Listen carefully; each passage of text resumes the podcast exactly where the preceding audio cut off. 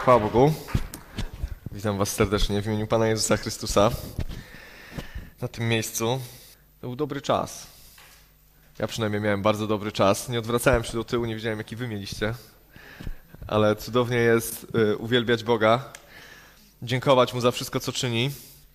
Ta pieśń, którą teraz śpiewaliśmy, przyjdź jak deszcz. Myślę, że jest dobrym wstępem do tego, co chcę, chcę dzisiaj mówić. Ja chcę dzisiaj kontynuować temat Ducha Świętego, temat bardzo dla nas ważny, istotny, e, może czasami kontrowersyjny, o dziwo, w Kościele Zielonoświątkowym temat Ducha Świętego bywa czasami kontrowersyjny. Chciałem o tym mówić i chcę o tym mówić, dlatego że Pan Bóg kładzie mi na serce, że jest to ekstremalnie ważne, bardzo ważne, to żebyśmy zbliżali się do Niego coraz bardziej, poznawali Go coraz bardziej i chodzili w Jego obecności, dlatego że bez tego jesteśmy skazani powiem to wprost, no jesteśmy skazani na częste niepowodzenia, na częste upadki, na radzenie sobie samemu z różnymi problemami, a dobrze wiemy, że nie zawsze sobie jesteśmy w stanie z nimi poradzić. Chciałem dzisiaj mówić o, o Bożym działaniu w nas. Wiecie, tak, tak Duch Święty mi to położył od, od tych trzech niedziel. Wiem, że być może wielu z Was mówi, jak mnie zobaczyło jeszcze raz dzisiaj, to regulowaliście odbiorniki, czy to nie jakaś pomyłka, ale chcę właśnie dokończyć ten temat, bo bo zacząłem mówić o słabości trzy, dwa, trzy tygodnie temu, to już było trzy tygodnie temu, e, o słabości, o tym, że w naszych słabościach Pan Bóg się lubuje i lubi je wykorzystywać, żeby wykorzystać to na swoją chwałę. Tydzień temu o, o, chodzeniu w Bożej obecności, o tym, jak bardzo ważne, żebyśmy byli stale podłączeni do Ducha Świętego, chodzili w Jego obecności, żeby to było coś dla nas naturalnego, zwykłego, czy zwykłego, codziennego, coś, co jest dla nas y, codziennością. A dzisiaj chciałem mówić o o przejawach działania Ducha Świętego w naszym życiu, o darach Ducha Świętego, o tym, co Duch Święty zmienia w naszym życiu, co zmienia w naszej codzienności, co zmienia w Kościele. Zacznę jakby tym słowem kluczowym, dzisiaj będzie 12 rozdział pierwszego listu do Koryntian. Chciałbym, żebyśmy się e, na nim e, skupili. Zacznę od czwartego wersetu.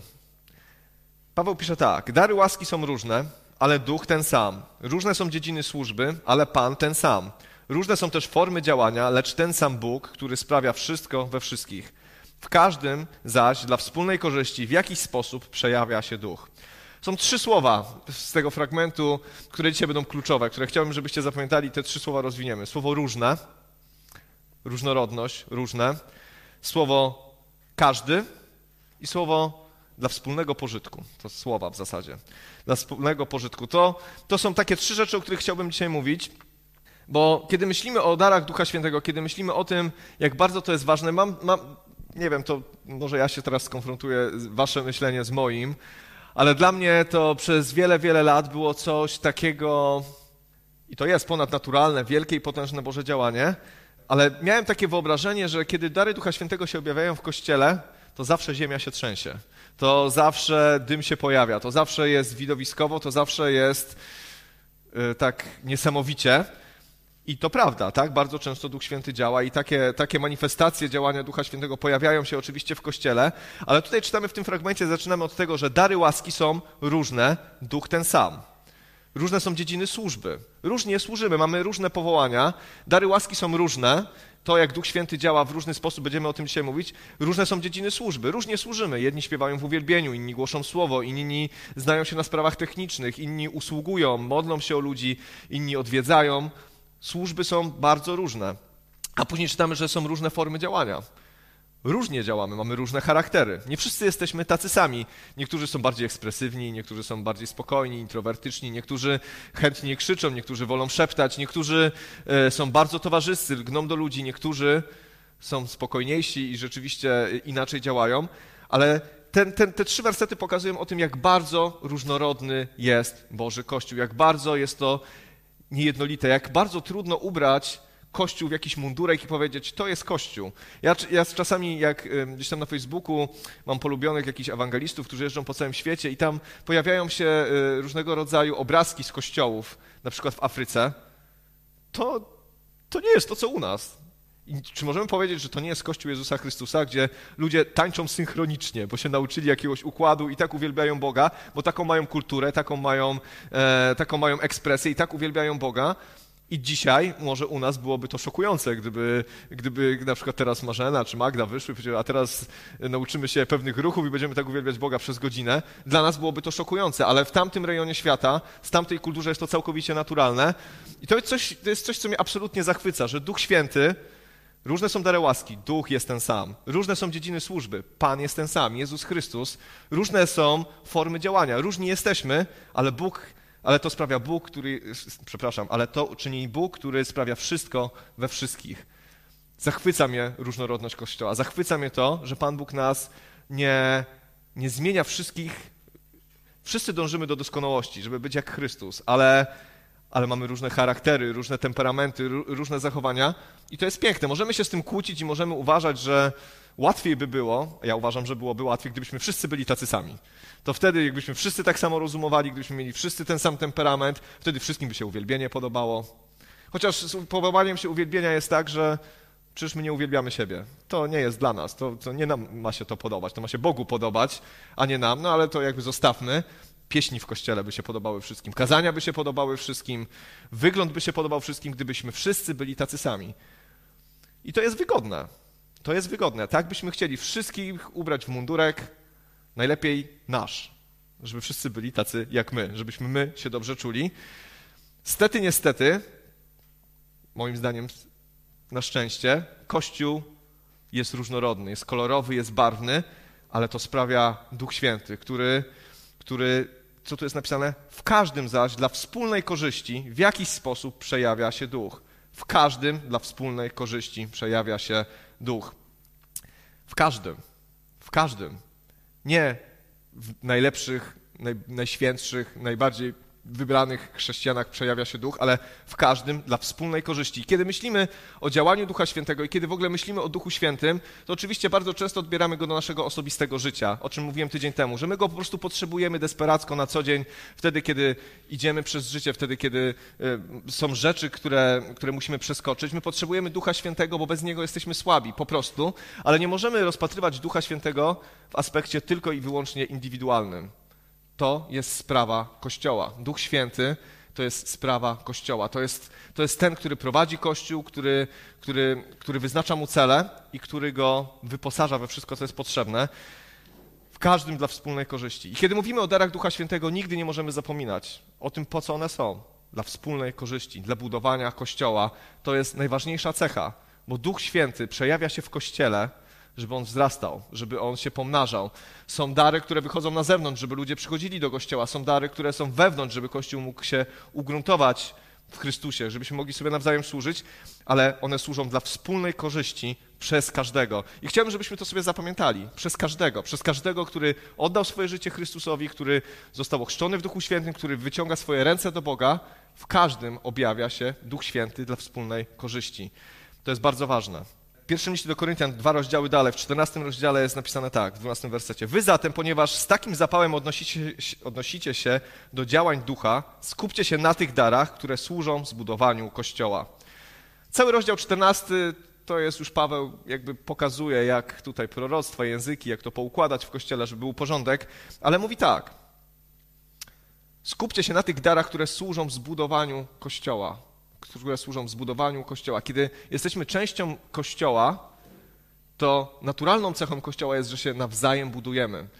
To nie jest tak, jak czasami widzimy w świecie, że jest tylko kler, który usługuje wiernym w Kościele. Myślę, że ten schemat Kościoła Nowego Testamentu jest zupełnie inny. Oczywiście są służby, są różnego rodzaju formy działania, o czym przed chwilą czytaliśmy, żeby to wszystko było uporządkowane, żeby to miało sens, ale Kościół polega na tym, że my nawzajem wszyscy na siebie oddziałowujemy. Pozytywnie lub negatywnie, ale zawsze to robimy. Jeżeli się od siebie oddzielamy, to oddziałujemy na siebie negatywnie, albo tracimy to, co moglibyśmy dać drugiej osobie, ale Kościół to jest zawsze zbiór naczyń połączonych. Zawsze oddziałujesz na tych, którzy są wokół ciebie, na swoją rodzinę, na swoich bliskich, na swoich przyjaciół, jakkolwiek byśmy próbowali od tego uciec, jest to niemożliwe, bo kiedy jesteśmy nowonarodzeni, to Pan Bóg nie stworzył dwóch rodzajów człowieka wierzącego. Tego, który sobie na własną rękę żyje i działa, i tych, którzy są w Kościele.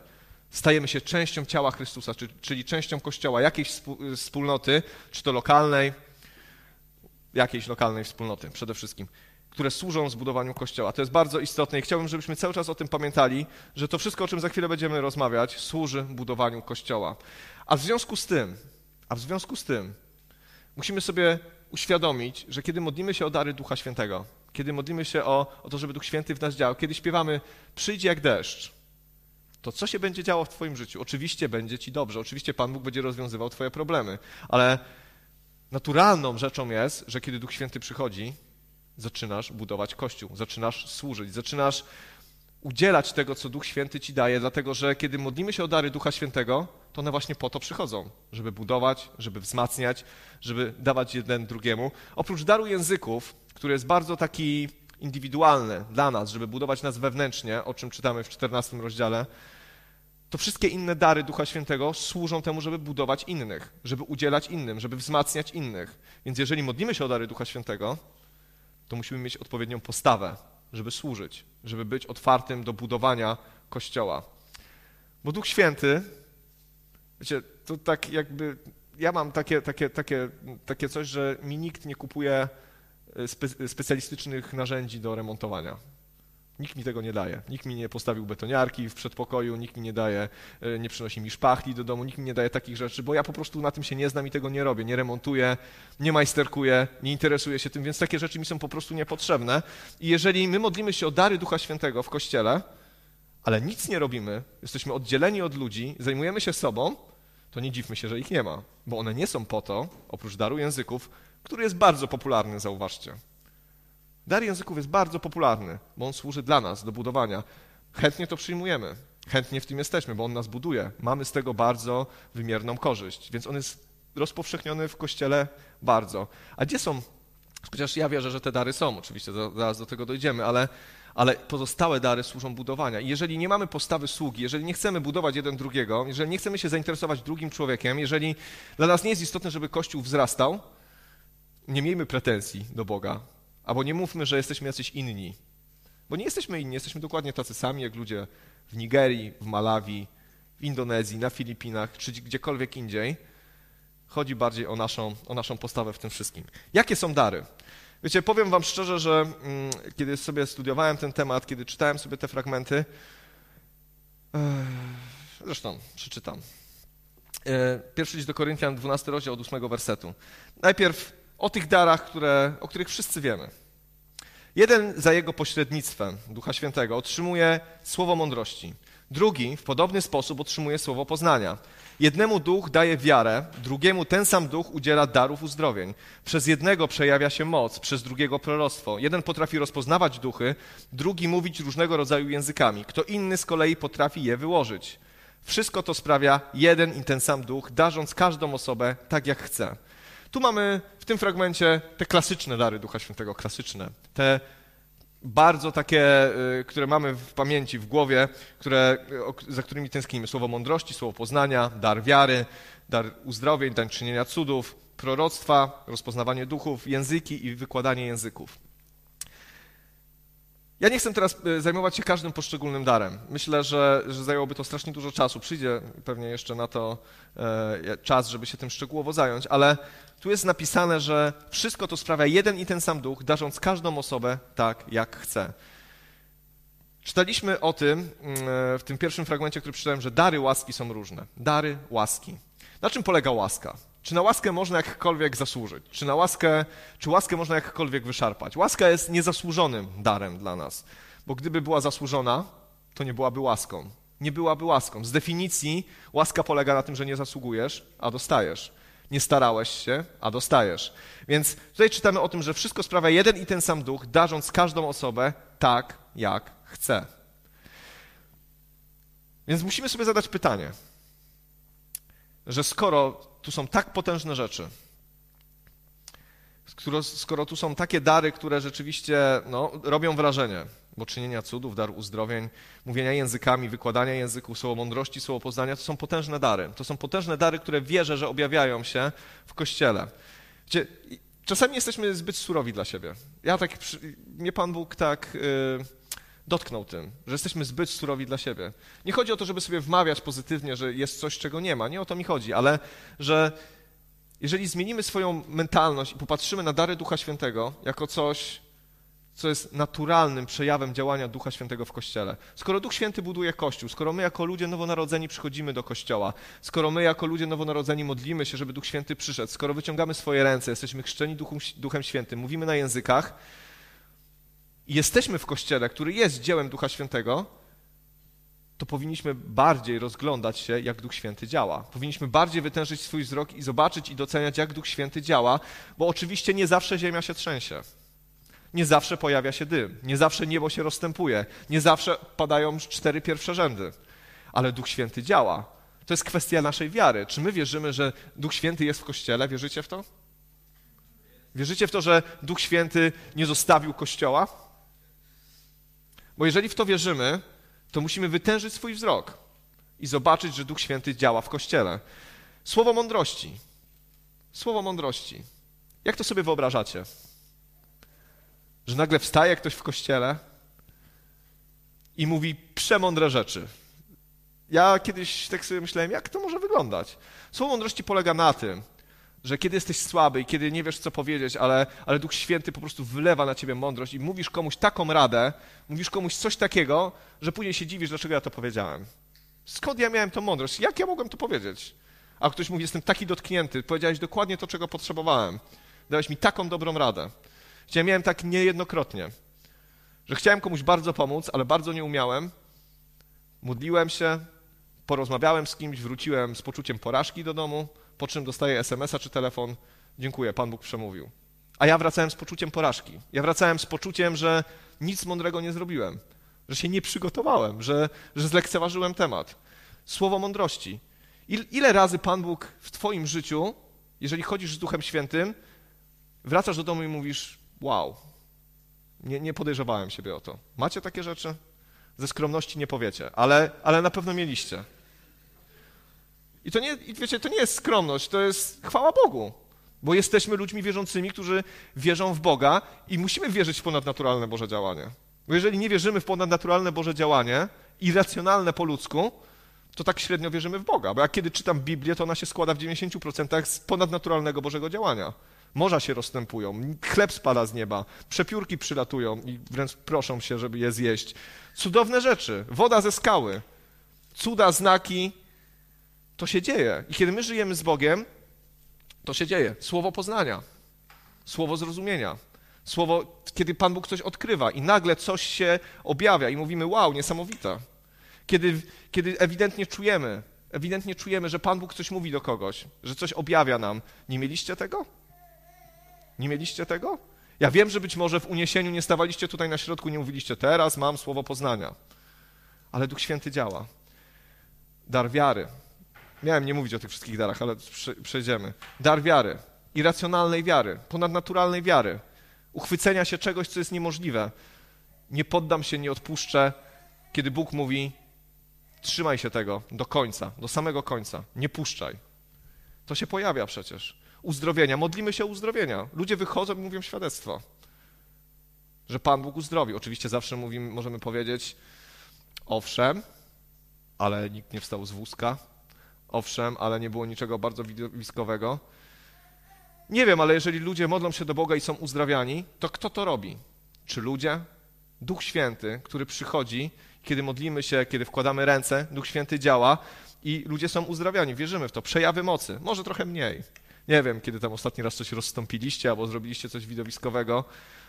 Widocznie może nie ma takiej potrzeby, żeby Duch Święty to robił teraz, w tym momencie, w naszym kościele.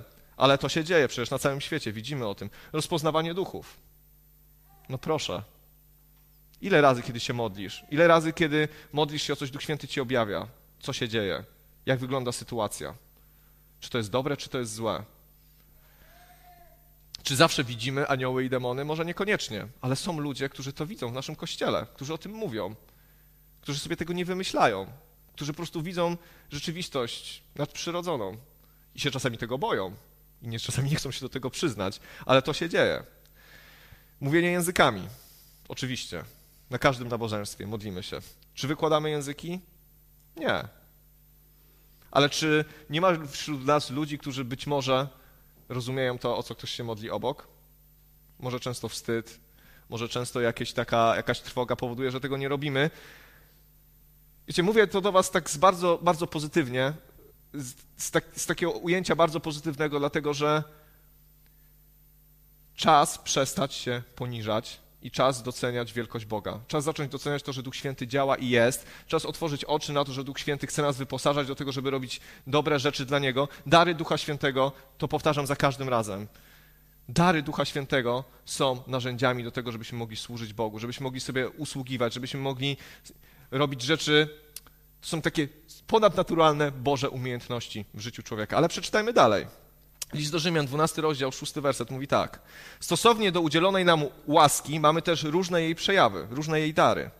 To samo, co, co w liście do Koryntian. Czy to prorokowania do głoszenia na miarę wiary, czy do usługiwania, do służby z poświęceniem, czy to nauczania po to, by pouczać, czy też zachęcania po to, by podnosić na duchu. Kto wspiera, to hojnie, kto przewodzi, to z zapałem, kto okazuje miłosierdzie, to z całego serca. Te same dary łaski, te, te same sformułowanie, to samo nazewnictwo. Prorokowanie zgadza się, było wcześniej, ale usługiwanie do służby z poświęceniem? Usługiwanie do służby z poświęceniem. Jak często nie doceniamy ludzi wiernych, którzy pełni pasji i gorliwości służą przez lata i robią może rzeczy niewidoczne w kościele, ale mają ogień, mają pasję. Kto ich do tego pobudza? Kto im daje tą łaskę? Kto ich wspiera? Kto ich zachęca do tego, żeby to robili? Kto zachęca tych, którzy się modlą latami? Nie o siebie i o swoje sprawy, ale o Kościół, o ludzi, o bliskich, o sprawy dotyczące nas wszystkich. Kto to robi? To jest dar łaski, usługiwania, do służby z poświęceniem. A później co czytamy? Nauczania po to, by pouczać. Nie wiem, czy koniecznie skazalnicy. Wiecie, ale jeżeli y, rozumiemy Kościół jakoś więcej niż nabożeństwo, jako coś więcej niż tylko to, że się tu spotykamy w czwartki i w niedzielę, ale jako relacje między ludźmi, jako to, że nawzajem na siebie oddziałowujemy, to nauczanie po to, by pouczać, żeby dzielić się swoją mądrością, żeby dzielić się swoim doświadczeniem, żeby, żeby robić to wszystko. I możemy powiedzieć, cóż w tym ponadnaturalnego? Ale kiedy czytam Biblię, to widzę, że Kościół wszystko robi w ponadnaturalności. Wszystko robi w ponadnaturalności, bo Duch Święty jest w nas i nic nie jest zwykłe. Nic nie jest zwykłe, nic nie jest po prostu z nas. Jeżeli się otwieramy na Niego, to nawet jak kogoś uczymy i przekazujemy swoje doświadczenie, to jest to namaszczone i to zmienia życie i to czyni Duch Święty. Kiedy służymy z poświęceniem, jest w tym namaszczenie Ducha Świętego i to zmienia ludzkie postępowanie. A później mamy tak, do zachęcania, po to, by podnosić na duchu. Cóż za cudowny dar łaski, cudowne Boże dotknięcie, zachęcania, by podnosić na duchu. Jak to się objawia? Jak to się może objawiać? W bardzo prosty sposób. Przychodzisz do kościoła albo modlisz się w domu i Pan Bóg kładzie ci kogoś na serce. Pokazuje ci jakąś osobę. I ty wiesz, że coś musisz z tym zrobić, i zamykasz oczy, i wiesz, że coś z tym musisz zrobić, że ta osoba potrzebuje pomocy, potrzebuje słowa, potrzebuje, żeby się do niej zbliżyć. To jest działanie Ducha Świętego. Kto wspiera, to hojnie. O jakie wsparcie tu chodzi? Najmniej duchowa rzecz na świecie pieniądze. Mo, można by było się wydawać. Y, ta y, mamona, tak? To, to, to, żądło, to, to źródło wszelkiego zła, miłość pieniędzy. Kto wspiera? Czy Duch Święty nie może kogoś pobudzić do wsparcia finansowego? Tak, że nie jesteś w stanie o to uciec, że ci się przyśni albo zobaczysz, że po prostu musisz wesprzeć finansowo. Kto to czyni? Kto to robi? My, jako ludzie wierzący, jak to nazwiemy? Przypadkiem? Wydaje mi się, miałem przeczucie? Nie, Duch Święty, który to czyni w nas. Kto przewodzi to z zapałem. Kto ukazuje miłosierdzie to z całego serca. Kto przewodzi to z zapałem. Ciekawe. Kiedy czytam Księgę Sędziów, a tak, szczególnie Księgę Sędziów, to tam mamy bardzo często taką scenę, że Pan Bóg bierze jakiegoś człowieka, wstępuje na niego Duch Święty, on dmie wróg i nagle cały Izrael się zbiega. Człowiek w ogóle nie wiadomo kto. Gedeon. Naj... Pan Bóg to robi. To jest jakieś Boże namaszczenie, które Pan Bóg po prostu daje. Dlaczego, e, dlaczego to robi? Nie wiem, on robi tak jak chce. I dlaczego wybiera takie osoby, a nie inne? On czyni jak chce. Tydzień temu czytaliśmy o tym, że duch jest jak wiatr. Skąd przychodzi, dokąd idziesz? Nie wiesz, ale robi dobrze, czyni dobrze i nigdy się nie myli. Dobrze wybiera. Nie, nie, nie, nie myli się. To on ma zawsze najlepsze, mm, najlepsze wybory. Jeszcze jeden fragment odnośnie darów ducha. 1 Koryntian 12:28. Trochę wyprzedzę. Bóg tak umieścił je w kościele. Najpierw apostołów, po drugie proroków, po trzecie nauczycieli. Następnie przejawy mocy, dalej dary uzdrowień, niesienia pomocy, zarządzania, różnego rodzaju języki. Ja czytałem ten fragment wielokrotnie i między e, przejawami mocy, darami uzdrowień i różnego rodzaju językami mam wrażenie, że nigdy tego nie przeczytałem. Niesienia pomocy i zarządzania. Niesienia pomocy i zarządzania. To jest ciekawe, bo tu jest troszeczkę pomieszane w tym fragmencie i można pewnie byłoby dyskutować, bo tu są apostołowie, tu są prorocy, tu są nauczyciele i to w sumie nie wiadomo, czy to są służby, czy to są jakieś szczególne dary, ale wiecie, ta część, która mówi o przejawach mocy, czyli o darze czynienia cudów, o darze uzdrowień, a później zmienione niesienia pomocy, zarządzania różnego rodzaju języki. Niesienia pomocy. Duch Święty może wkładać w tobie nieustanną potrzebę i potrzebę niesienia pomocy. I to, co się urodziło w tobie, to nie jest twoje miłosierdzie, to jest dar od Pana, który On ci wkłada, żeby nieść pomoc i łaska do tego, żeby to robić, żeby nieść pomoc ludziom potrzebującym, żeby to robić. I to jest od Ducha Świętego. I zarządzania. Cieka to, to akurat, nie, przepraszam, nie skomentuję, bo nie wiem nawet jak. Zarządzania. Się muszę o to modlić, żeby to e, na mnie zstąpiło. I teraz tak, pierwszy list Piotra 4,10. Każdy niech usługuje pozostałym tym darem łaski, który otrzymał, jako dobry powiernik różnorodnej w swych przejawach łaski Boga. Każdy niech usługuje pozostałym tym darem łaski, który otrzymał, jako dobry powiernik różnorodnej w swych przejawach łaski Boga. Znowu to sama terminologia. Niech usługuje innym tym samym darem łaski. Tym to jest to jest to sama terminologia, co w 12 rozdziale, kiedy czytamy o proroctwach, o językach. Każdy niech usługuje pozostałym. Bo tak się buduje Kościół, że usługujemy sobie tym, co Pan Bóg nam dał. Że to robimy. Ja, ja od wielu, wielu już e, miesięcy, już od kilku, kilku lat mam takie, takie głębokie przeświadczenie, że Kościół, choć czasami niektórzy tak to traktują, to nie jest restauracja. Wiecie, do restauracji jak przychodzisz, to bierzesz kartę dań, a po drugie, jak idziesz do restauracji, to się nastawiasz, że zjem coś wyśmienitego. Ale dostajesz kartę dań, jest tanio, drogo, nieważne, ale zamawiasz coś i oczekujesz, żeby to było takie jak, jak chcesz. A kiedy przyniosą ci coś, co nie wygląda tak, jak zamówiłeś, to niektórzy się tam awanturują, kłócą. E, widzieliście to pewnie nieraz w różnego rodzaju restauracjach. No bo płacisz, to wymagasz. To chcesz po prostu dostać to, co sobie zamówiłeś. I niektórzy mogą traktować Kościół jako restaurację, że przychodzisz że przychodzisz po to, żeby zjeść i wymagasz. Za głośno, za cicho, takie pieśni, nie takie pieśni. No dobrze, to wiecie, teraz generalizuję, no ale powiedzmy, że wiecie o co chodzi. Kazanie za długie, za krótkie, nie takie, za wolno, za szybko i tak dalej, i tak dalej. I może być w tym nawet trochę racji, po ludzku. Może być w tym nawet trochę racji, bo może rzeczywiście było za głośno, za cicho, za wolno, za szybko. Możliwe. Ale jeżeli mamy takie myślenie, że przychodzimy tutaj jako klienci, żeby skorzystać, żeby nam dawali, nam się należy. Ja przyszedłem zjeść, to możemy się minąć z celem, bo Boży obraz Kościoła to jest bardziej taka stołówka. Kiedy czytamy o pierwszym kościele, który się spotykał i robił codziennie wieczerzę pańską, to ludzie tam przychodzili jeść, przynosili wspólnie jedzenie, ale to jest pewien obraz przynosili jedzenie, dzielili się tym, co mają, jedli wspólnie i przebywali razem. I to jest Kościół, kiedy nawzajem sobie usługujemy. Oczywiście na nabożeństwie, na nabożeństwie nie każdy będzie mógł wstać i usłużyć swoim darem łaski, bo jeżeli Duch Święty cię pobudza do niesienia pomocy, to możesz to robić poza nabożeństwami właśnie. No, nie będziemy tutaj ceremonialnie nieśli pomocy na nabożeństwie, ale, ale są takie dary łaski, które nie objawią się na nabożeństwie ale one są w kościele i one są bardzo ważne i są bardzo istotne, bo nabożeństwo to nie wszystko.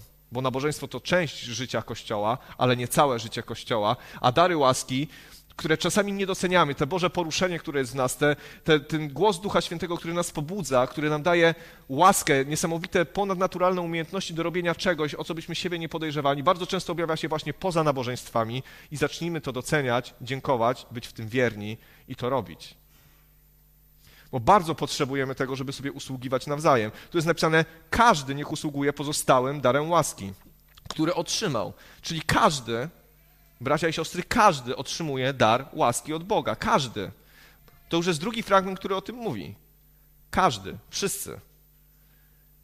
Nie ma gorszych dzieci w kościele, nie ma gorszych dzieci bożych, że wszyscy dostają dary, a ty nie dostałeś, bo jesteś jakimś gorszym dzieckiem bożym. Zaraz jeszcze dojdziemy o, tym, o tym, jak spojrzeć na dary, bo Pan Bóg mi coś, myślę, że bardzo ważnego pokazał, ale tu jest też napisane jako dobry powiernik, w innych tłumaczeniach jako szafarz różnorodnej w swych przejawach łaski Boga. My zostaliśmy powiernikami, zostaliśmy szafarzami, zostaliśmy sługami i dary Ducha Świętego objawiają się w naszym życiu, kiedy wchodzimy w tą rolę sługi, kiedy służymy jedni drugim, kiedy wchodzimy w służbę, kiedy zaczynamy działać, to Pan Bóg wie, że potrzebujemy ponadnaturalnych umiejętności, żeby to dobrze wykonać. Przecież On nas zna.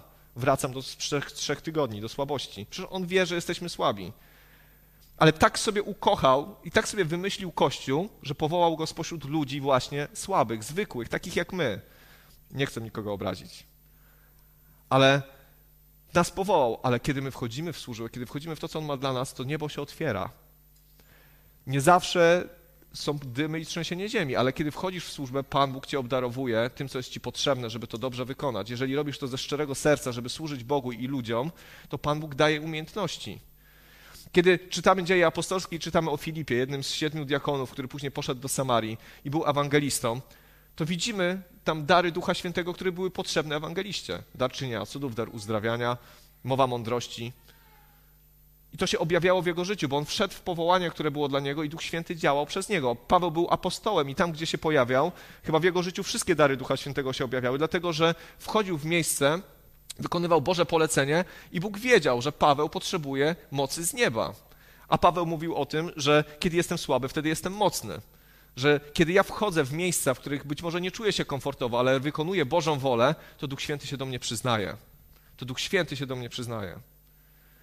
Mnóstwo jest takich historii w dziejach apostolskich, kiedy Paweł wchodzi do jakiegoś miasta. Ja nie wiem, jaki on miał plan z Barnabą w Listrze chociażby. Jest takie miasto Listra, oni tam przyszli. I nie wiem, czy w każdym mieście Paweł uzdrawiał na sam początek chromego, żeby zbiegło się całe miasto. Ale Duch Święty tak zaplanował ewangelizację w Listrze, że jedną z pierwszych osób, które spotkali, był chromy. Został uzdrowiony przez Boga, ten chromy. I całe miasto się zbiegło słuchać Ewangelii. Duch Święty to czyni, a my jesteśmy tymi, którzy powinni być Mu posłuszni, bo jeżeli Duch wieje tak, jak chce, to my powinniśmy być Mu, być mu posłuszni. Więc każdy niech usługuje tym darem łaski. I to jest nasza odpowiedzialność, żeby to robić, żeby tego nie chować do kieszeni, żeby nie udawać, że tego nie ma, żeby nie powiedzieć, o ja taki malutki, nic nie mam. Wiecie, to jest często takie zrzucanie odpowiedzialności. Zrzucanie odpowiedzialności, bo wydaje nam się, że jeżeli nie mam proroctwa, nie kładę rąk na chorych i oni nie wstają, to, to co ja takiego mogę zrobić? To co ja takiego mogę zrobić? Ale ja wierzę w to, że skoro Słowo Boże mówi, że każdy niech usługuje, to powinniśmy usiąść i zadać sobie pytanie, po pierwsze, czy chcemy służyć? Czy chcemy służyć? Czy chcemy to robić? Czy chcemy pomagać innym? Czy chcemy być tymi, którzy budują Kościół? Bo jeżeli na to pytanie odpowiemy sobie negatywnie, nie chcę, nie mam czasu, nie chce mi się, za dużo mnie to będzie kosztować, to przestańmy się łudzić. To przestańmy się łudzić, że takie rzeczy będą w naszym życiu, dlatego że, że to wszystko, o czym tutaj czytamy, jest po to, żebyśmy wzrastali. Dobrze, to jest jedna część tego, co chciałem powiedzieć. A teraz jeszcze a propos darów Ducha Świętego. E, w sensie takie podsumowanie tego, tych, tej wyliczanki różnych darów. Jest w Biblii, e, w liście do Galacjan takie sformułowanie jak owoc Ducha Świętego. Mamy dary Ducha Świętego, to o czym przed chwilą czytaliśmy, o czym mówiliśmy, i mamy owoce Ducha Świętego. I myślę, że ważne jest, żeby, żeby to podkreślić, jaka jest między tymi rzeczami korelacja, jak, jak to na siebie wpływa. Dlatego, że dary Ducha Świętego są, jak, no myślę, że tak można powiedzieć, wyposażeniem do służby. Wyposażeniem do służby. Ale niekoniecznie muszą oznaczać, e, niekoniecznie muszą być oznaką duchowej dojrzałości niekoniecznie muszą być oznaką duchowej dojrzałości. One są wyposażeniem do służby.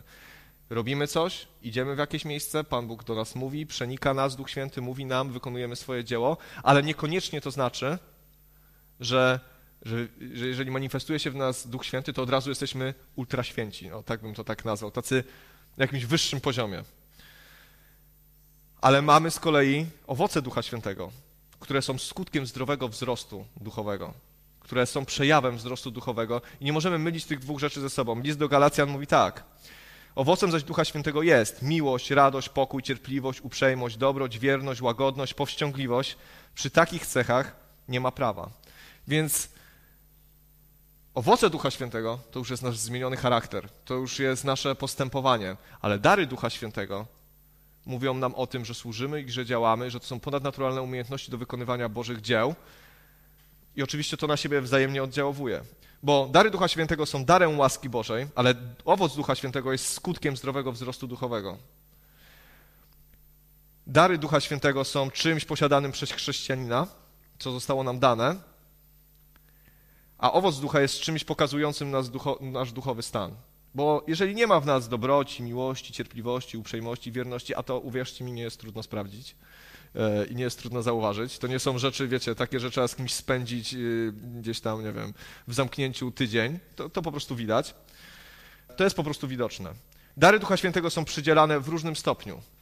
Tak jak Duch chce, jak Duch Święty chce. Jaki on ma e, algorytm, który rozdziela Ducha Nie wiemy. Tak jak on chce, taki jaki ma plan, jak, jakie, widzi, jakie widzi potrzeby, ale owoc Ducha Świętego powinien być obecny w całej pełni. Powinien być obecny w całej pełni. Dary Ducha Świętego są bez znaczenia, jeżeli nie towarzyszy im owoc. Jeżeli po tym, co zrobimy, jeżeli po tym, jak Pan Bóg nas użyje, zaraz człowiek się zderzy z naszą nieuprzejmością, brakiem miłości, brakiem uprzejmości i blejactwem naszego życia, to sobie pomyśli, to było ciekawe, ale jakoś to się wszystko nie, nie klei. Pewnie, pewnie to znamy. Dary Ducha Świętego mają związek z naszą, z naszą, przepraszam, z naszą służbą, ale owoc Ducha Świętego ma związek z naszym charakterem. Jeżeli nie służymy, to po co nam umiejętności, które nam są do tej służby potrzebne? Ale owoc Ducha Świętego to jest nasz charakter, nasza codzienność, nasze postępowanie i to jest bardzo widoczne. Dary Ducha, o czym mówi 13 rozdział listu do Koryntian, są tymczasowe.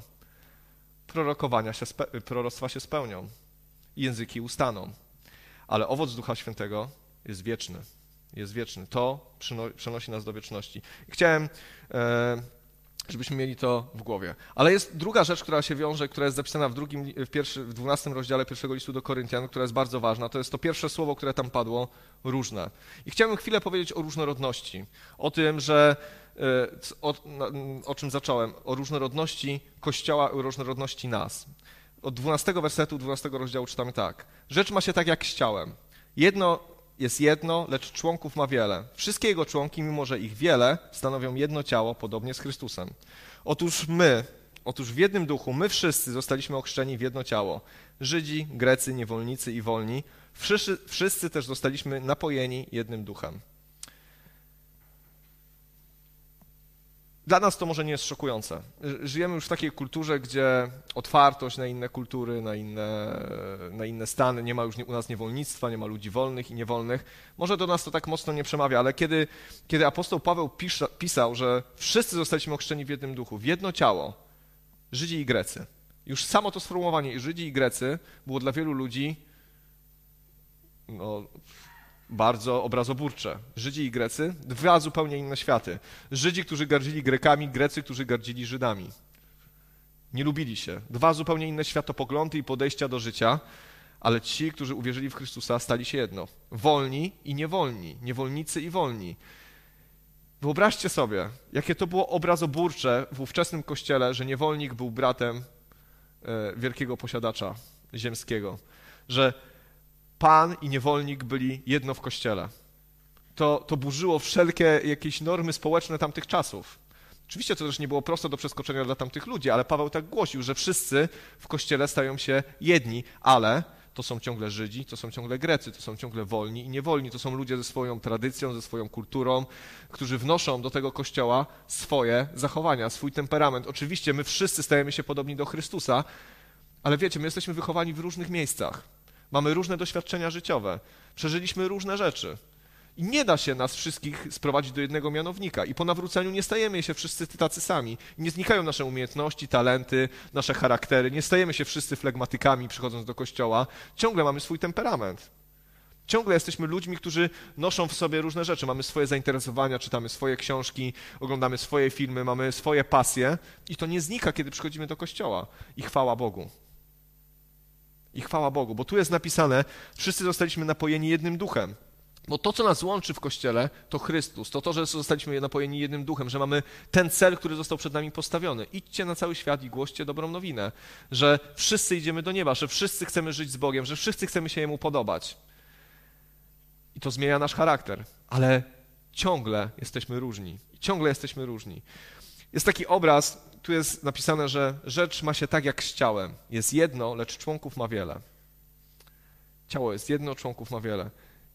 Jest taki film, w sumie to była kiedyś książka, Doktor Frankenstein. I polegało to na tym, że jakiś szalony doktor postanowił stworzyć człowieka. Z różnych z ludzi umarłych, odcinał kończyny, posklejał to wszystko.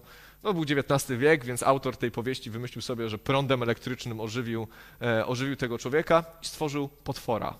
Stworzył potwora, który, e, który mordował. I wiecie, to jest taki obraz, tak mi to przychodzi do głowy, kiedy, kiedy poskleja się ludzi. Tak na siłę, tu się urwie, tam się urwie i, i, i się go tak poskleja na siłę, ale nie ma w tym Ducha Świętego. Nie ma w tym tej, tej ożywczej mocy z wysokości. Nie, nie jest to to jedno harmonijne ciało, ale jest to po prostu zlepek ludzi, którzy różnych jakiś, którzy mają różne cele, robi się potwór. Robi się potwór. Może to nie jest jakaś taka super dokładna, dokładne porównanie, ale tutaj czytamy o tym, że, że to ciało, który, którym jesteśmy, ciało Jezusa Chrystusa, Kościół, jest, jest ładne, jest harmonijne, to się wszystko powinno rozwijać, każdy ma swoją część. Ale my jesteśmy złączeni przez Ducha Świętego. I to wszystko wtedy działa. Myślę, że gdybyśmy nie byli połączeni przez Ducha Świętego, to byśmy nie, nie wytrzymali razem prawdopodobnie. I wydaje mi się, że bez Ducha Świętego właśnie tak się patrzy na Kościół. Tu mi nie pasuje, tam mi nie pasuje tu się źle zachowują, tam się źle zachowują, tu mnie skrzywdzili, tam mnie skrzywdzili. Bo coś nas nie łączy, bo to, co łączy Kościół, to, to Duch Święty, który nas pobudza, żebyśmy byli harmonijnie i działali. To nie znaczy, że mamy być wszyscy tacy sami. Dalej ten rozdział mówi o tym, że gdyby wszyscy byli oczami, to gdzie byłby słuch? Gdyby wszyscy byli słuchem, gdzie byłby węch? Gdybyśmy wszyscy byli remkiem, byłoby być może fajnie dla Magdy. Ale byłoby pewnie można by było robić określone rzeczy. Przez to, że jesteśmy różni, przez to, że mamy różne umiejętności, możemy, możemy na siebie wpływać i to może być piękne. Możemy oddziaływać na więcej ludzi. Gdybyśmy byli wszyscy Remkiem, to ludzie podobni do Remka by do nas lgnęli. A teraz lgną tacy, którzy są podobni do Remka, ale też tacy, którzy są podobni do Krystiana i do cioci Basi. Bo jesteśmy różni, mamy różne formy ekspresji, różnie działamy. I czasami jest tak, a propos darów Ducha Świętego, że wszyscy chcielibyśmy prorokować. Że wszyscy chcielibyśmy kłaść ręce na chorych i żeby oni byli uzdrawiani. Wszyscy byśmy chcieli to robić. Ja również bardzo, przyznaję się do tego. Ale z drugiej strony pomyślmy sobie, gdyby wszyscy prorokowali, kto, kto niósłby pomoc, pomoc. To kto by pocieszał, kto by zachęcał? To kto by miałby mowę, słowo mądrości albo słowo poznania? To kto by to robił? Gdybyśmy tu się wszyscy pchali na środek, do prorokowania publicznego, albo wszyscy byśmy chcieli tłumaczyć języki. To jest nam bardzo potrzebne, szukajmy tego, otwierajmy się na to, żeby robić te rzeczy. One są trudniejsze, bo one wymagają odwagi. Wyjść i powiedzieć proroctwo jest trudniejsze, niż pójść do kogoś osobiście i go zachęcić. Tak mi się wydaje, dla mnie jest trudniejsze. Ale tak czy siak wszystkie te rzeczy są ekstremalnie potrzebne do budowania Kościoła jako całości, nie nabożeństw. Nie nabożeństw. Jakbyśmy mieli pomyśleć sobie o takim doskonałym nabożeństwie, to byśmy sobie z tych darów Ducha Świętego wybrali co? Uzdrowienia, wybralibyśmy sobie mowę mądrości, wybralibyśmy sobie słowo poznania, wybralibyśmy sobie tłumaczenie języków, no i oczywiście proroctwa. I byłoby takie nabożeństwo, że ho, ho, by się działo. I wierzę, że tak się będzie działo. I ja wierzę, że to się objawia na nabożeństwach i będzie się objawiać na nabożeństwach. Ale pozostałe rzeczy budują nas jako Kościół, żebyśmy mogli wzrastać, bo Kościół to nie tylko nabożeństwa. Bo Kościół to nie tylko nabożeństwa. I ten fragment mówi o tym, że, że jest nas wiele i się uzupełniamy. Ja uwielbiam sport, a szczególnie sporty zespołowe. Nigdy sporty indywidualne mnie nie kręciły. Bieganie, ślubowanie swoich rekordów i robienie czegoś, żeby skoczyć półkę wyżej. Oczywiście tam też się rywalizuje, ale jakoś to mnie nie kręciło. Ale sporty zespołowe to jest coś, co kiedy, kiedy sobie o tym myślę, to jakby człowiek jest tak stworzony, że jest, jest istotą społeczną. My w różnych miejscach potrzebujemy ludzi, tworzymy jakieś specyficzne grupy, e, jesteśmy w stanie robić wielkie rzeczy, kiedy się jednoczymy. historia o wieży Babel o tym mówi, że ludzie się jednoczą, robiąc, są w stanie zrobić wielkie rzeczy, kiedy się zjednoczą, kiedy się uzupełniają, kiedy ten potrafi zbudować, ten potrafi wymyślić cegłę, ten potrafi to przynieść, ten potrafi zrobić jakąś zaprawę. Wtedy można zbudować wieżę. Sporty zespołowe polegają na tym, większość sportów zespołowych, taki przykład chociażby siatkówka. Jest sześciu zawodników na placu gry. Sześciu zawodników. I teraz same zasady gry w siatkówkę polegają na tym, że piłkę można odbić trzy razy, ale jedna osoba. To już wyklucza, to już wyklucza, żeby jedna osoba mogła zwyciężyć za całą drużynę, bo sama nie dotknie trzy razy. Więc to jest prosta zasada, ale na tym boisku jest sześć różnych pozycji. Jest atakujący, jest przyjmujący, jest libero, jest blokujący, środkowy i oni są różni. Ci są wyżsi, ci mogą być niżsi, ci wysoko skaczą, ci muszą dobrze przyjmować i oni są po prostu różni. Ale gdyby jakaś drużyna składała się z sześciu atakujących, nie potrafiłaby bronić. Gdyby jakaś drużyna składała się z sześciu blokujących, to nikt nie potrafiłby, e, nie wiem, zaatakować. Wiecie, to jest bardzo prosty obraz. Tak samo w piłce nożnej. Obrońcy są wysocy, najlepiej, silni, wysocy, środkowi, boczni mogą być niscy i szybcy. Środkowi pomocnicy muszą dużo biegać, a napastnicy muszą mieć zmysł, ale kiedy, kiedy się ich pozamienia na boisku, to nawet doskonała drużyna, wyśmienita drużyna odniesie porażkę, bo każdy będzie w jakimś innym miejscu, nie będą potrafili grać, mimo że są wszyscy świetnymi piłkarzami. I to mi pokazuje, że że my jesteśmy od siebie uzależnieni jako Kościół. My bardzo potrzebujemy siebie ze wszystkimi darami, umiejętności, umiejętnościami, które mamy, bo tylko wtedy możemy wykonywać Bożą wolę. Jeżeli jesteśmy ciałem Chrystusa, popatrzcie na swoje ciała. Dbamy o nie, ale nasze życie nie polega na tym, że budzimy się rano i leżymy. Że leżymy, że po prostu jesteśmy. Wykonujemy pewne czynności, robimy coś. Mamy swoje cele, chodzimy do pracy, wykonujemy różne rzeczy, mamy swoje sporty, hobby, robimy coś. Ciało Chrystusa też nie zostało powołane do tego, żeby tylko być. Żeby to jakoś posklejać, tu głowę, głowa wiadomo, Chrystus, posklejać te wszystkie kończyny i ono sobie jest. Ciało wykonuje pewne czynności, robi coś. A żeby robić pewne czynności, musi być sprawne. Ja miałem w swoim życiu taki moment, w którym miałem niesprawną nogę i to jest dramat. Nigdy teraz mam sprawną i już o tym troszeczkę zapomniałem, ale w życiu nie doceniałem tego, że jestem w pełni sprawny bo myślałem, że mi się to po prostu należy. Jestem w pełni sprawny i koniec. Dopiero jak przestałem być w pełni sprawny, to zobaczyłem, o, dramat, ta noga bardzo nie jest mi potrzebna do życia. Wcześniej o tym nie myślałem. Tak samo jest w kościele. Bardzo siebie potrzebujemy. I kiedy wspólnie działamy, kiedy wspólnie robimy, kiedy wykonujemy tą misję, która jest dla nas, to widzimy, jak te wszystkie czynności są ważne, jak one są istotne. Bo kiedy leżysz na kanapie, kiedy leżymy jako kościół na kanapie i nic nie robimy, to nam obetną rękę, nogę, to dalej leżysz na kanapie i oglądasz telewizję. Da się oglądać telewizję bez ręki i nogi. Ale kiedy coś zaczynamy działać, zaczynamy coś robić i zabraknie ręki i nogi, to jest dramat. To jest źle. To jest po prostu źle. 12 rozdział, 26, werset 27. Stąd jeśli cierpi jeden członek, cierpią z nim wszystkie. Jeśli doznaje chwały jeden członek, cieszą się z nim wszystkie. W tym właśnie sensie wy wszyscy jesteście ciałem Chrystusa, a każdy z osobna członkami. Każdy z osobna członkami nawracając się i stając się ludźmi wierzącymi, jesteśmy wszczepieni w ten Kościół, y, w to ciało Chrystusa. Kim my w tym ciele jesteśmy? Jaką mamy funkcję? Oczywiście musimy się modlić. Oczywiście musimy rozpoznać. Oczywiście musimy być w tym miejscu. Ale, ale jeżeli jeden cierpi, wszyscy cierpią. To nie jest proste. Ja wiem, że my jesteśmy zajęci swoimi sprawami. Ja wiem, że my żyjemy różnymi rzeczami, które nas dręczą, są dla nas trudne i tak ciężko czasami wyjść poza swoje sprawy, żeby pomyśleć o innych. Ale tu jest tak napisane, że jeżeli jeden cierpi, wszyscy cierpią odruchowo. Odruchowo. Nie, że się zmuszają do cierpienia. Jeżeli ktoś z nas przeżywa problem, walczy z chorobą, nie mówimy, a dobra, jakoś sobie poradzi. Modlimy się, wstawiamy się za siebie, robimy to, co możemy zrobić, żeby sobie pomóc nawzajem. Oczywiście ktoś mógłby powiedzieć, to może za mało, może powinniśmy więcej. Zawsze można coś zrobić lepiej i zawsze można zrobić czegoś więcej. To prawda. Ale ale myślę, że to jest naturalna cecha Kościoła. Dobrze, i już kończę. Pierwszy jeszcze od 29 wersetu. Czy wszyscy są apostołami, czy wszyscy prorokami, czy wszyscy nauczycielami, czy przez wszystkich przejawia się moc, czy wszyscy mają dary uzdrowień, czy wszyscy mówią językami, czy wszyscy je wykładają? Oczywiście gorąco pragnijcie większych darów łaski. Ja wam nawet wskażę drogę najwspanialszą. Nie jesteśmy wszyscy tacy sami. I to dobrze.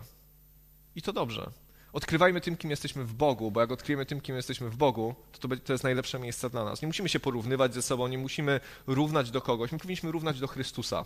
Powinniśmy szukać Bożej obecności, a nie rywalizować ze sobą nawzajem. Ale, on zadaje te pytania, Paweł zadaje te pytania, mówiąc im, że nie wszyscy jesteśmy tacy sami. Oczywiście gorąco pragnijcie większych darów łaski. Ten fragment też mi mówi o tym, że, że jest, jest w tym coś, co, co jest ważne po naszej stronie. Gorące pragnienie.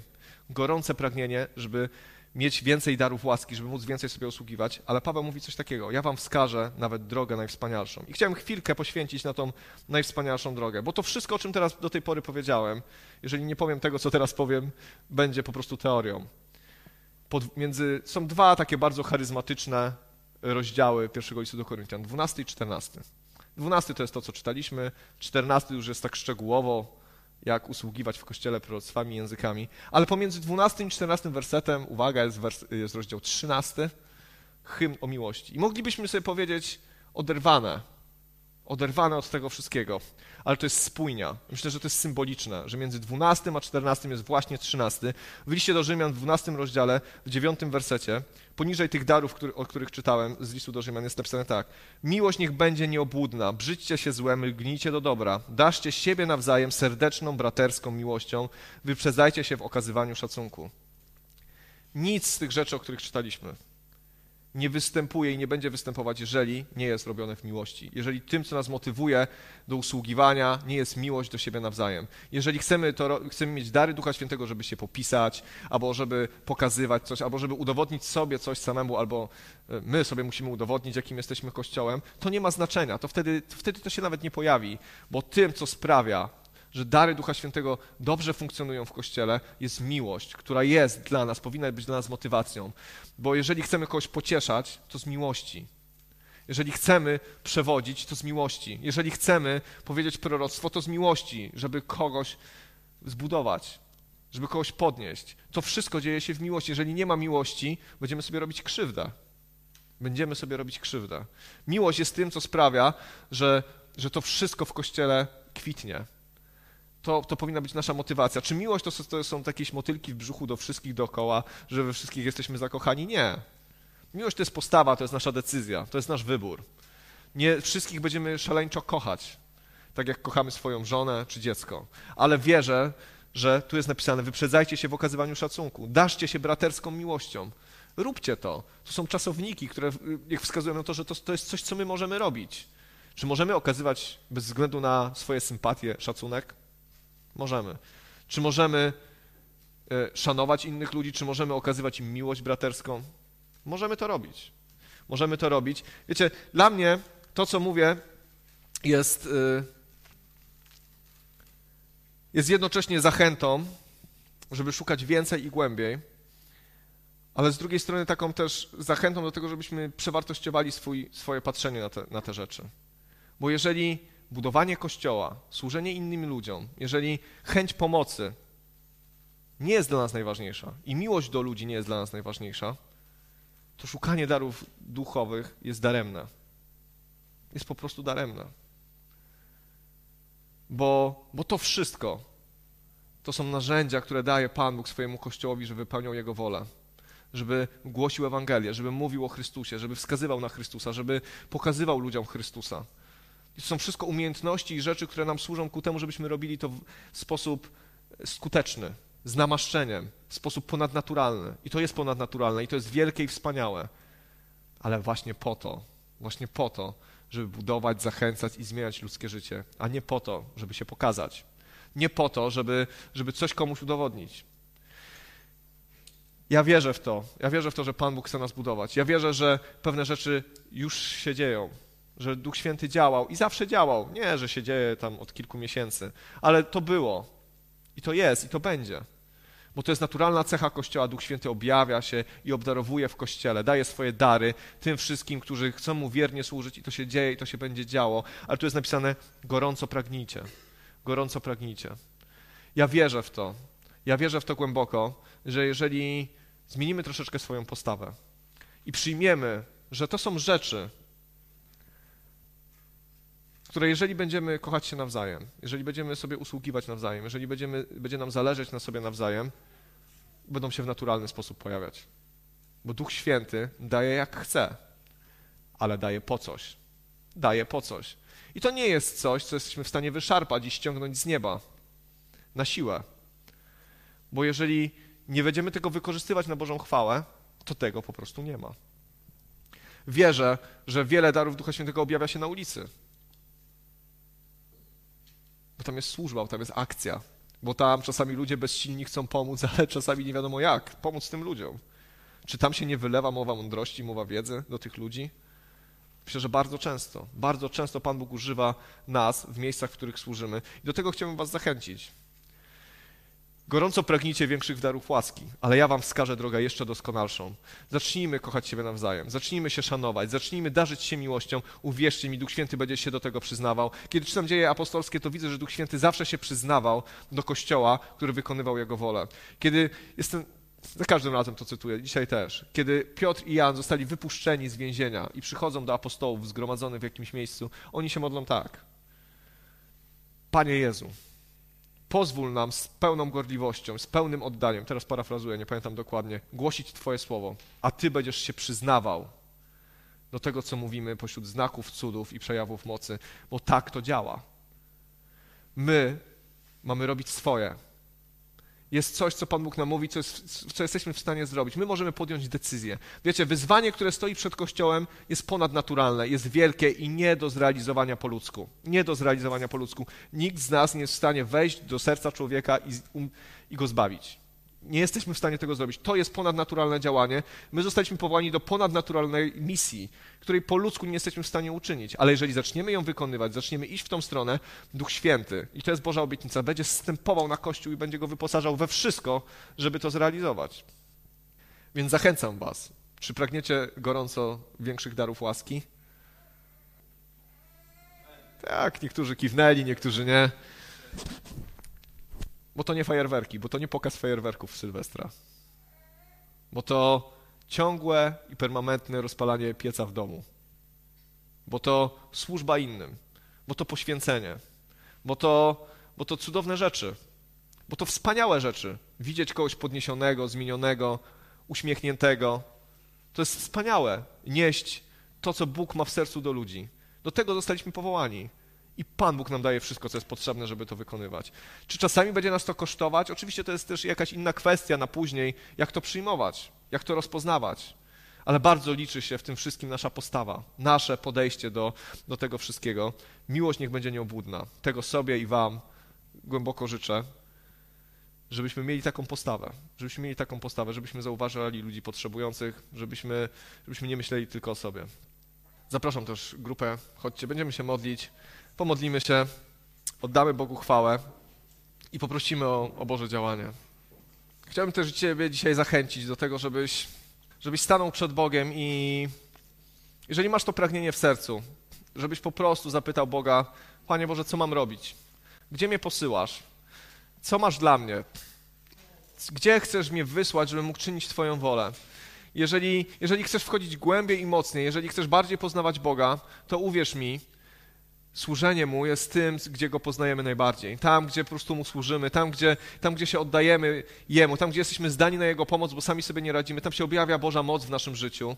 I ja Cię dzisiaj do tego zachęcam. Jeżeli masz to w sercu, żeby wyjść z miejsca wygodnego, w którym jesteś, żeby zacząć czynić dobre rzeczy dla ludzi, kochać ludzi, wykorzystywać talenty i obdarowania i to, co Duch Święty kładzie w Twoje serce, to chciałem Cię zachęcić, żeby dzisiaj pomodlił się taką odważną modlitwą, żeby Pan mógł Cię wyprowadził, żeby Cię wprowadził w miejsce, w którym Cię widzi i żebyś Ty z tego skorzystał. Panie, dziękujemy Ci za to, że możemy stać przed Tobą, Boże. Ja Ci dziękuję z całego serca, Panie, że żyjemy w czasach Kościoła, Panie, i w erze Ducha Świętego, Panie, że to, o czym mówimy, Boże, to, o co się modlimy, Boże, to nie jest jakaś abstrakcja, Panie, nie są jakieś nasze fantazje, Boże, ale możemy doświadczać Twojej mocy, Panie, że Ty działasz w swoim Kościele, że Ty, Duchu Święty, jesteś z nami i nas prowadzisz, że my, Boże, chcemy się otwierać na Ciebie, Boże, pragniemy tego, żebyś nas prowadził. Widzisz, że jesteśmy nieidealni, Panie, i popełniamy popełniamy błędy. I czasami robimy rzeczy, które się Tobie nie podoba, Panie, ale proszę Cię, oczyść nas, Panie, oczyść nasze serca, Panie, z naszych jakichś błędów, Boże. My chcemy Ciebie więcej, my chcemy Tobie służyć, Boże, i my chcemy służyć w Twojej mocy, Panie, która jest dana Kościołowi tutaj na tej ziemi, Boże, żeby czynić uczniami, Panie, żeby głosić Ewangelię, żeby wzmacniać się nawzajem, Boże, żeby Kościół rósł, obfitował i przynosił owoc, Panie, dla wielu ludzi, Panie, żeby był wielkim drzewem, Panie, w którym będą mogli się schronić ci, którzy potrzebują pomocy, Panie. My Cię wyciągamy nasze ręce, Panie, i prosimy Cię, Duchu Święty, Żebyś nas używał. Panie, proszę Cię o te wszystkie osoby, Panie, które chciałyby służyć, Panie, które chcą służyć bardziej. Proszę Cię o to, żebyś wypchnął, Panie, do działania, żebyś objawił, Boże, te miejsca, Boże, które są dla nich, Panie, które dla nich przygotowałeś, Boże, te, które mogą robić. Proszę Cię, w imieniu Jezusa Chrystusa, dotknij serc teraz, Boże, i wyprowadź, Panie, z miejsca wygody, Panie, z miejsca recenzenta, z miejsca obserwatora, z miejsca klienta w restauracji, Boże, do człowieka, Panie, który będzie służył, Panie, który będzie głosił Ewangelię, który będzie usługiwał innym, Boże. Proszę Cię o to, Boże, w imieniu Jezusa Chrystusa, niech to się wydarzy. Duchu Święty, przyjdź, oddajemy się Tobie, Ty nas prowadź. My potrzebujemy Twojego wypełnienia, my potrzebujemy Twojej mądrości, my potrzebujemy Twojego ognia w nas, potrzebujemy Ciebie, Panie, potrzebujemy Ciebie.